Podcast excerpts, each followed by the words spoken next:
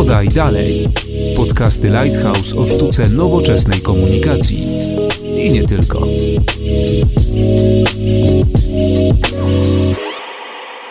Dzień dobry, Konrad Domański. Zapraszam na 31 odcinek podcastu Lighthouse Podaj Dalej, w którym troszkę porozmawiamy na temat kryzysów, na temat zagrożeń, z jakimi muszą mierzyć się firmy. Podsumujemy ten 2021 rok, no i nie tylko, bo w sumie od czasu rozpoczęcia pandemii troszkę się krajobraz zmienił. Też na pewno wybiegniemy delikatnie w przyszłość. Tak się składa, że z moimi dzisiejszymi gośćmi już na temat kryzysów, różnych przewidywań i też odmrażania komunikacji, co ciekawe, bo w tym duecie występowaliście e, jeszcze w 2020 roku, kiedy rozmawialiśmy o tym, e, no, jak firmy muszą wejść w tą nową rzeczywistość. E, z nami dzisiaj Magda Zwolińska, partnerka Risk and Crisis Management w Lighthouse. Dzień dobry. Oraz Przemysław Mitraszewski, Managing Partner w Lighthouse. Dzień dobry. Mówiłem też e, właśnie o tym odmrażaniu komunikacji, no bo no nie ma co ukrywać, e, zmieniło się bardzo, bardzo dużo w kontekście tego, z czym się firmy muszą mierzyć. Powstają też liczne badania, które sprawdzają, jak ten 2020 i też już kończący się 2021 wpłynął na, na firmy bezpośrednio. Edelman na przykład e, przeprowadził bardzo ciekawe badanie, które będzie i było też zalążkiem do, do naszego dzisiejszego spotkania.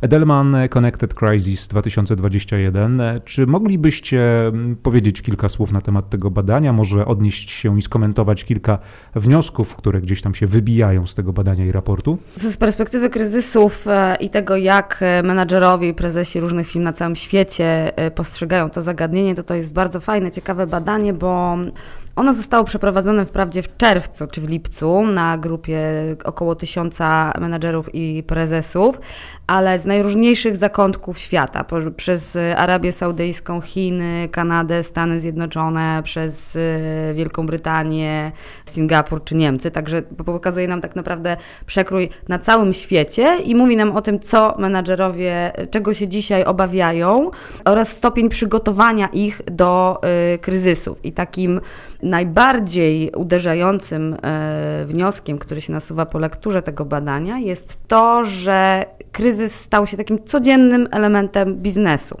To nie jest tak, mhm. że raz na jakiś czas kogoś coś dopada i wtedy e, należy wszystko rzucić, żeby to mleko, które się zlało, e, posprzątać. Tylko teraz tak naprawdę jest to jakiś element wpisany w codzienność e, każdej firmy, każdej marki, która gdzieś się ze swoim otoczeniem komunikuje.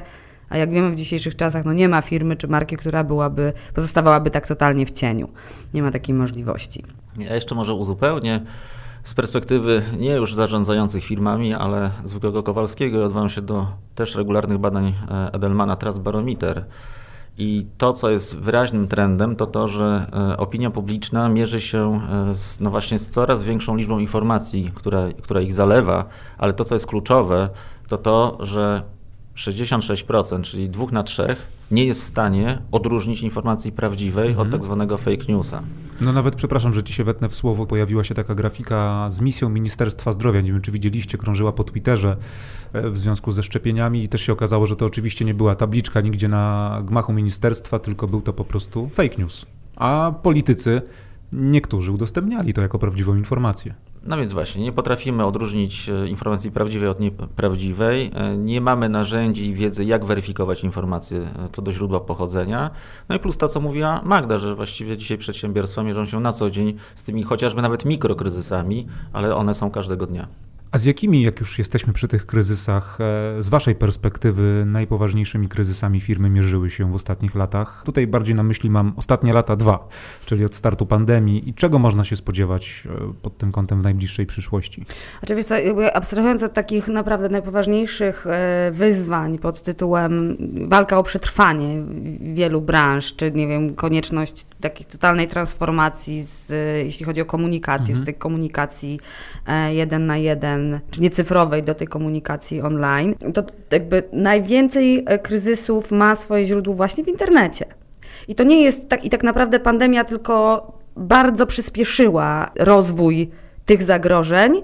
One były wcześniej znane, natomiast te ostatnie dwa lata to jest jakby niesamowite przyspieszenie, zarówno w kontekście właśnie chociażby tego, jak wiele fake newsów się pojawia, jak duża jest ta intensywność te, tej dezinformacji, to jest jedna rzecz. Druga rzecz, jak bardzo jesteśmy spolaryzowani i to nie jest tylko przypadłość Polski, ale tak naprawdę całego świata.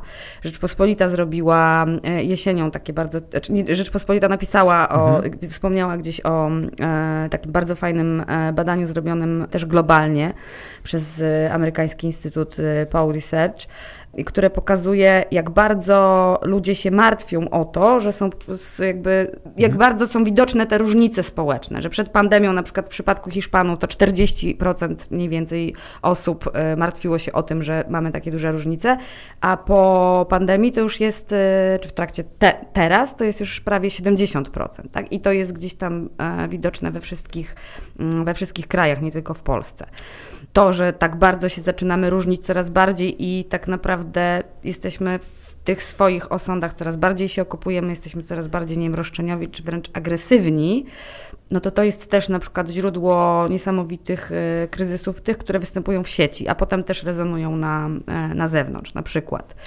Kolejnym tematem, który również jest związany z tym, że musieliśmy tę transformację cyfrową w takim przyspieszonym tempie przejść, jest na przykład coś, czego jeszcze tak bardzo u nas w Polsce nie widać w nagłówkach na pierwszych stronach gazet, ale jest i pojawia się coraz częściej, a mianowicie jakby podatność biznesu na cyberprzestępczość, czy, czy, czy kwestie związane z bezpieczeństwem danych, tak? czy, czy, czy wszystkie właśnie mhm. związane e, kryzysy, czy, czy ryzyka związane z właśnie z tym, że coraz częściej używamy technologii. I to widać bardzo wyraźnie. Ja niedawno czytałam na początku grudnia na przykład o tym, jak, e, jaki kryzys dotknął sieć szpar w Wielkiej Brytanii to jest sieć supermarketu, która padła y, ofiarą ataku i teraz mnie Konrad popraw, to chyba był ransomware, jeśli dobrze ransomware, ransomware. Bo nie wiem, czy Państwo wiedzą, że nasz Konrad jest również e, ekspertem w dziale technologii w coś Lighthouse. Coś tam się interesuje technologiami. E, duża technologiczna głowa, więc bardzo dobrym tutaj ekspertem od e, również tego typu sformułowań, które mi są troszkę mniej znane.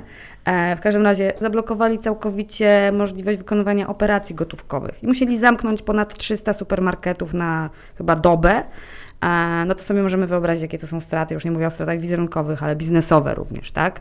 Więc tego typu rzeczy się zdarzają i myślę, że będą zdarzać się coraz częściej, no bo jakby to jest widoczne gołym okiem, w którą stronę zmierza komunikacja, tak? I, i w stronę jakich narzędzi będziemy dalej zmierzać. Ja bym jeszcze nazwał, że są tak zwane kryzysy pełzające, czyli może nawet to nie są kryzysy, ale bardziej wyzwania, bo to, czego dzisiaj oczekują e, konsumenci, opinia publiczna, to na przykład jednoznaczne zajmowanie stanowiska przez firmę w danym temacie.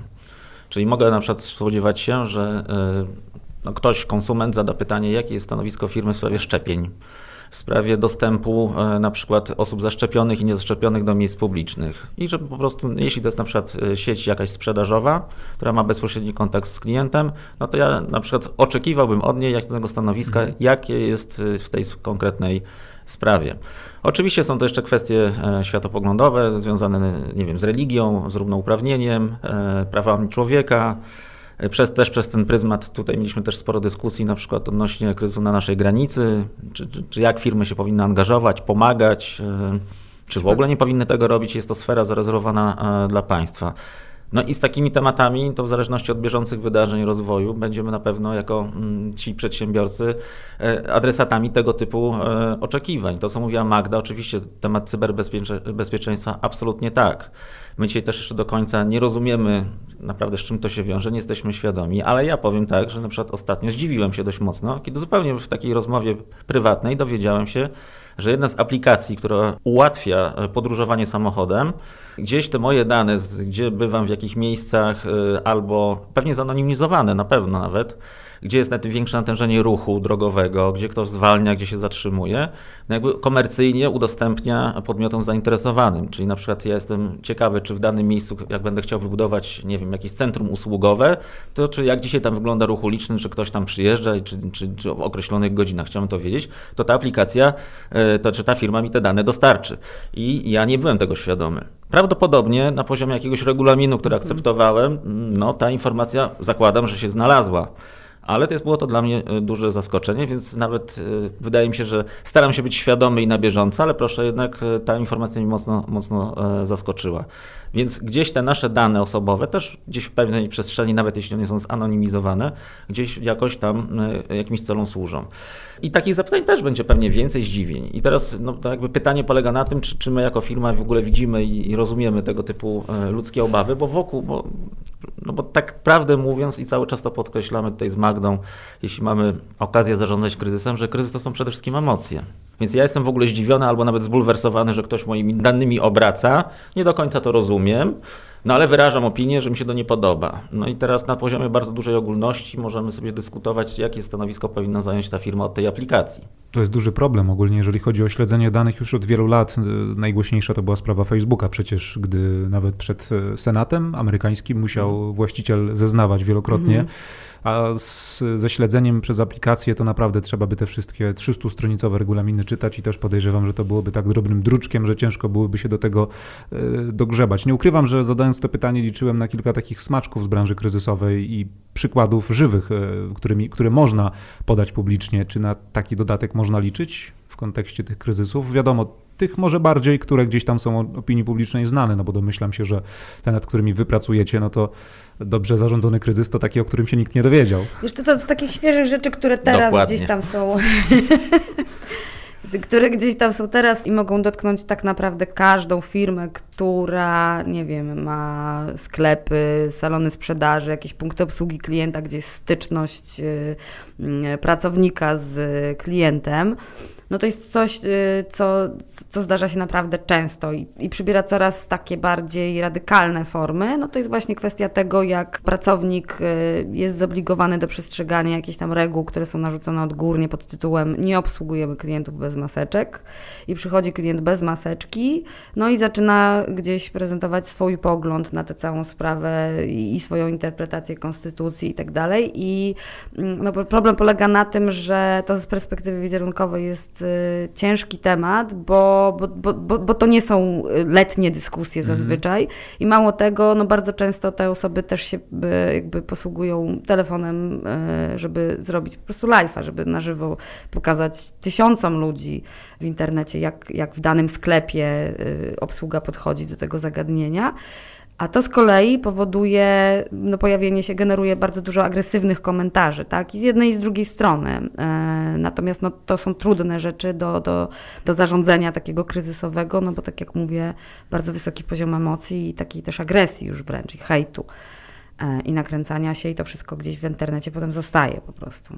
Jest nie do odwrócenia już później. Czy polskie firmy, tudzież też firmy działające na polskim rynku mają świadomość e, zagrożeń, które nadchodzą i tych, które już gdzieś teraz e, są obecne? To warto tutaj wrócić e, i przywołać to badanie, o którym wspomnieliśmy na początku, bo tam to ładnie pokazuje, jakie jest podejście menadżerów i prezesów, którzy w przytłaczającej większości, bodajże ponad 70% ankietowanych, wskazuje, że się boi kryzysów, tak? Że jakby wie, że jaka jest specyfika kryzysów w dzisiejszym czasie, jak to będzie trudno, e, jak trudno tym zarządzić, jak szybko to wybucha, jak często się wiąże z mediami społecznościowymi, ale już na poziomie pytań o to, jak są przygotowani, czy właśnie wiedzą, jak używać mediów społecznościowych, jakie narzędzia mogą być pomocne w samym kryzysie, to tu się praktycznie nic nie zmienia od lat. Tak jak my z y, Przemkiem prowadzimy y, różnego rodzaju szkolenia, czy wykłady dla studentów, czy dla biznesu, gdzie próbujemy właśnie naprawdę od lat edukować, że ta, ta prewencja jest jakby najskuteczniejszym sposobem walki z kryzysem, no to te badania ewidentnie pokazują, że mimo, że jakby jest świadomość tego, że sytuacja się zmienia, że tego jest coraz więcej, bo to wynika z tej polaryzacji, z tego, że media społecznościowe się rozwijają, że fake newsy, że dezinformacja, że te technologie, ddd i to wszystko, no to tak, wiemy, boimy się, ale niewiele z tym robimy. I to właściwie się nie zmienia. Ja, tak to, trochę, ja to trochę porównam do takiego e, militarnego e, podejścia, bo to widać po, po skalibrowaniu. Jeśli ktoś w ogóle ma radar taki antykryzysowy, taką tarczę antykryzysową, e, to ona jest troszeczkę skalibrowana pod dawne czasy. Mm, czyli do, w nomenklaturze wojskowej można było powiedzieć, że czekamy aż przyleci bombowiec albo myśliwiec i zrzuci bombę na naszą firmę. I rzeczywiście tylko te duże kryzysy jesteśmy w stanie rzeczywiście zawczasu wychwycić. Natomiast dzisiaj no, w technologii wojskowej jest tak, że możemy puścić małego drona, który równie dobrze zrzuci nam mm, taką samą e, bombę i tyle samo szkód narobi. Albo i więcej. Albo i więcej. E, No i właśnie te radary kryzysowe nie są skalibrowane na te drony. One bardzo często przepuszczają te drobne mikrowybuchy, których nie zauważamy, a jeden z nich, bo nie każdy oczywiście, że nie każdy, bo mówimy o tym, że dzisiaj towarzyszą nam na co dzień jakieś kryzysy, no to te mikrowybuchy, no któryś z nich może jednak e, spowodować, że mamy duży pożar. No i teraz pytanie, czy potrafimy i wiemy, jak skalibrować e, tą tarczę właśnie e, pod te drony, czyli te mikro, e, mikrokryzysy. I tu jest największe wyzwanie. Tak do końca nie wiadomo, skąd ten dron ma nale- nadlecieć, nadlecieć, co on tam ze sobą będzie wiózł, jak go w ogóle wychwytywać i co mamy z nim zrobić. Tak? Czy, jak, jak, czy mamy go zestrzelić, czy mamy go, nie wiem, zmylić. I to, I to jest coś, czego rzeczywiście chyba tego jeszcze brakuje. Także jest świadomość, że trochę się zmienia rodzaj tych kryzysów i częstotliwość, ale nie do końca jest świadomość, jak można sobie z tym poradzić, ale można sobie A z tym można. poradzić. Można. No właśnie, to jak mówicie, że można sobie z tym poradzić, to teraz powinien być taki jingle na koniec, poradniczek Lighthouse, jak w okolicznościach zmian e, firmy, przedsiębiorstwa, no też myślę, że mniejsze podmioty mogą się przygotować na potencjalny kryzys. Wiesz co, tak jak mówię, to, to nie jest łatwe zadanie w dzisiejszych czasach, bo tak jak Przemek powiedział, no te, te mikrozagrożenia właściwie mogą być, tak, możesz zostać oskarżony, nie wiem, na przykład o dyskryminację jakiejś mniejszości, tak, zupełnie nieświadomie. Komuś może się nie spodobać y, twoja nowa kampania marketingowa i też może wokół tego się jakaś wielka dyskusja przetoczyć przez sieć. Jakiś aktywista może wymierzyć lufę i powiedzieć, ta firma działa nie w porządku, no jedna z firm produkcyjnych z branży reklamowej bardzo się ostatnio dotkliwie o tym przekonała, jak Jan Śpiewak właśnie ją wziął na tapetę e, pod kątem e, warunków pracy, które, które panują w tejże branży, na przykład. Może się zdarzyć tak, że będziesz musiał mierzyć się ze związkami zawodowymi nagle, tak? No tak mówię, no, bo można wymieniać bez liku tych zagrożeń. Wiele z nich to są drobne rzeczy, które gdzieś tam mogą się, nie wiem, możemy być oskarżeni o przyczynianie się do katastrofy klimatycznej wydatne. To też jest to na marginesie bardzo, bardzo ciekawy wątek, ponieważ to się oczywiście dzieje, biznes jest wskazywany bardzo często jako główny winowajca tego, co się niestety z naszą planetą dzieje w tej chwili. I teraz jakby te lufy, czy na celowniku nie znajdują się tylko firmy, które są bezpośrednio odpowiedzialne, typu, nie wiem, kopalnie, zakłady energetyczne i tak tylko również firmy, które korzystają właśnie z energetyki z wykorzystaniem węgla. I jest teraz na przykład taki trend coraz częściej, że firmy duże, międzynarodowe, korporacje, które właśnie mają gdzieś tam tą strategię zrównoważonego rozwoju, jakoś tam, gdzie- gdzieś tam na tym fokus, e, ogłaszają, że nie będą korzystać w ogóle ze współpracy, nie będą współpracować z firmami, które pozyskują energię właśnie w niezrównoważony sposób, na przykład. Ale wracając do, e, do tego głównego pytania, są takie narzędzia. My w Lighthouse'ie chyba mogę powiedzieć, że z powodzeniem, no bo z powodzeniem, prawda? No działa Jakby, to, Magda, e, działa, Działa, działa, właśnie. Działa z powodzeniem. Działa z powodzeniem. Mm, U kilku klientów wdrożyliśmy tak coś, co się nazywa tarcza antykryzysowa. I to polega na tym, że. No jakby- większe bombowce i małe drony, tak? Tak, właśnie o to chodzi. Dokładnie tak, Że to dodaliśmy sitko ma bardzo dronu. małe oczka w tym przypadku i to polega na tym, że jesteśmy w stanie klientowi zaoferować codzienny monitoring bardzo intensywny całego otoczenia zewnętrznego Mhm.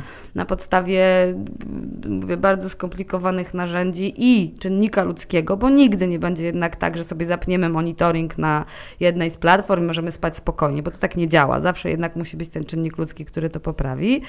Mamy system alertów. e, W razie, jeśli by się okazało, że nie wiem, właśnie coś się zaczyna dziać, gdzieś się zaczyna żarzyć jakiś, jakaś iskierka w sieci, to bez względu na porę dnia i nocy jesteśmy umówieni z klientem, że reagujemy. Mamy ustawione narzędzia informacyjne w ten sposób, że jesteśmy w kontakcie na komórce w każdej chwili tak naprawdę. Jest sztab kryzysowy, który jest w stanie klientowi zarekomendować takie działania, które są na ten moment, y, no właściwie w ciągu kilku minut jesteśmy w stanie się zebrać klientowi, klienta przeprowadzić przez te pierwsze chwile, no a potem gdzieś przez kolejne, jeśli do takiego kryzysu dojdzie. Ale co jest istotne, bardzo często się udaje tą iskierkę po prostu butem przydeptać chwilę później, jak ta iskierka zaczyna się żarzyć w necie. I to właśnie dzięki temu, że takie narzędzia mamy ustawione. Jest jedna podstawowa różnica, bo czym to narzędzie różni się od już dostępnych e, na rynku? Nie ma oczywiście żadnego problemu, żeby monitorować, nie wiem, media tradycyjne, to co się dzieje w przestrzeni e, szeroko rozumianego internetu. Problemem jest to skala informacji, które dostajemy w ramach monitoringu. Dziś e, najczęściej e, analizuje to człowiek. No i okazuje się, że nie wiem, dostaje 600 jakichś różnych powiadomień jednego dnia z różnych kanałów, a tu się ukazało to, okazało się tamto. Najczęściej jest tak, że taki menadżer czy osoba, która ma ten monitoring czytać i te, ten radar śledzić, nie jest w stanie tych informacji już przerobić, a ich będzie jeszcze więcej, skoro mówimy, że tych dronów e, i mikrowybuchów będzie mhm. coraz więcej. W związku z czym my zaprzęgliśmy do tego technologię. Znaczy mamy takie algorytmy, które pozwalają nam wśród tych właśnie e, monitorowanych e, zagrożeń wyłapać tą iskierkę, o której mówi Magda i którą trzeba szybciutko przykryć butem. Bo akurat ta iskierka, która upadnie na przykład na łatwopalny dywan w naszym mieszkaniu, od razu zapali, a jak spadnie na terakotę, no to prawdopodobnie no, nic się nie stanie, co najwyżej trochę okopci. Więc e, porównując, to narzędzie pozwala, za tym stoi, są algorytmy, jest, za tym stoi technologia, która pozwala właśnie dostarczyć nam analitykę, co z tych informacji monitoringowych wynika. I tych, my jesteśmy podpięci do różnych właśnie źródeł monitoringu, monitoringu. Na bieżąco 24 na 7 te jakby sygnały są analizowane, a te, które wymagają zaopiekowania z tych, nie wiem, pewnie kilkuset informacji na dobę, wyłapać te, które wymagają natychmiastowego zaopiekowania i potem no właśnie to, co tutaj już opowiadamy, że jest ten, ten alert i mamy schematy postępowania. I ta tarcza jest jeszcze z jednego powodu fajna, bo to jest jakby kwestia narzędziowa i takiego monitoringu codziennego, natomiast my właśnie we współpracy z tymi klientami, dla których taką usługę świadczymy, jesteśmy też z nimi poumawiani w ten sposób, że się spotykamy regularnie na no nie wiem, cotygodniowych statusach i tam omawiamy również zagrożenia, o których wiemy, że mogą być, przerodzić się w jakiś kryzys bądź stanowią potencjalne zagrożenie na podstawie informacji z wewnątrz firmy. Przykładowo, jeśli wiemy, że firma szykuje się odpowiednio wcześnie, nie wiem, do jakiejś kampanii reklamowej, która może wzbudzać jakieś kontrowersje, nie wiem, będzie wzbudzała negatywne komentarze, to znając tą kampanię wcześniej, jesteśmy w stanie ją troszeczkę na czynniki pierwsze rozebrać powiedzieć, guys, tutaj może być z tym problem, tutaj ludzie mogą to przyjąć w taki i taki sposób sposób. Okej, okay, no to jak w takim razie powinniśmy zareagować, co odpowiedzieć? I wcześniej mamy po prostu przygotowane w szufladzie gotowe zestawy odpowiedzi na pytanie, a dlaczego ta modelka jest za chuda, znowu promujecie anoreksję, a przecież obiecaliście, że modelki będą wyglądały tak jak dziewczyny w rzeczywistości, tak? No to wtedy jesteśmy w stanie gdzieś tam e, no, uzasadnić taki, gdzieś, no nie wiem, odpowiedzieć na takie pytanie, przykładowo, tak? Albo e. aktorka grająca w serialach, która gra też w reklamach, zabierze głos w sprawie bardzo ważnej na no, granicy. tak, tak, to, to, to, to, to było dosyć trudne, tak. Ale już y, mamy, tak powiem, apetyt niezaspokojony, bo już pracujemy nad kolejną edycją tej tarczy, a mianowicie, to tak szumnie może trochę powiem i z przerostem, ale tak, takie są nasze ambicje, żebyśmy wyłapywali kryzysy, które jeszcze, których jeszcze nie ma. A mianowicie... Ambicje tak, e, no bo dzisiaj rzeczywiście to narzędzie dostarcza nam analityka, która powoduje, że no jakby kryzys już rzeczywiście gdzieś tam e, istnieje konkretnie, ten mikro, mikrowybuch. Natomiast e, to, co opowiadałem o tej aplikacji drogowej, która gdzieś te powiedzmy dane moje komercjalizuje, to załóżmy, wyobraźmy sobie, że ja jako ten zaniepokojony użytkownik tej aplikacji gdzieś na jakiejś grupie w mediach społecznościowych zaczynam dyskusję na ten temat. I okazuje się, że więcej jest takich osób niż ja i, że tak powiem, masa zaczyna rosnąć. No więc to nasze narzędzie teraz próbujemy tak skalibrować, żeby takie właśnie zalążki potencjalnego kryzysu już nam się na tych radarze wyświetlały, żeby analityka pozwalała nam zidentyfikować, czy rzeczywiście jest to realne e, zagrożenie i co należałoby z tym zrobić. I być może nawet zanim ta iskierka wypadnie e, z tego kominka, z tego ognia, to my już będziemy wiedzieli, że ona tam za chwilę e, nam tutaj będzie się szykowała. Więc nad takim czymś pracujemy, żeby tak naprawdę było to również ostrzeżenie nad pod przed potencjalnymi kryzysami, które mogą nam e, rzeczywiście wybuchnąć. Dzisiaj o kryzysach, o tym jak tym kryzysom przeciwdziałać rozmawiałem, e, przypominam, z naszymi gośćmi Magda Zwolińska, partnerka Risk and Crisis Management w Lighthouse oraz Przemysław Mitraszewski, managing partner w Lighthouse. Konrad Domański, dzięki i do usłyszenia w kolejnym odcinku podcastu Podaj Dalej. Spodobał Ci się nasz podcast? Podaj dalej i śledź naszą stronę oraz kanały społecznościowe.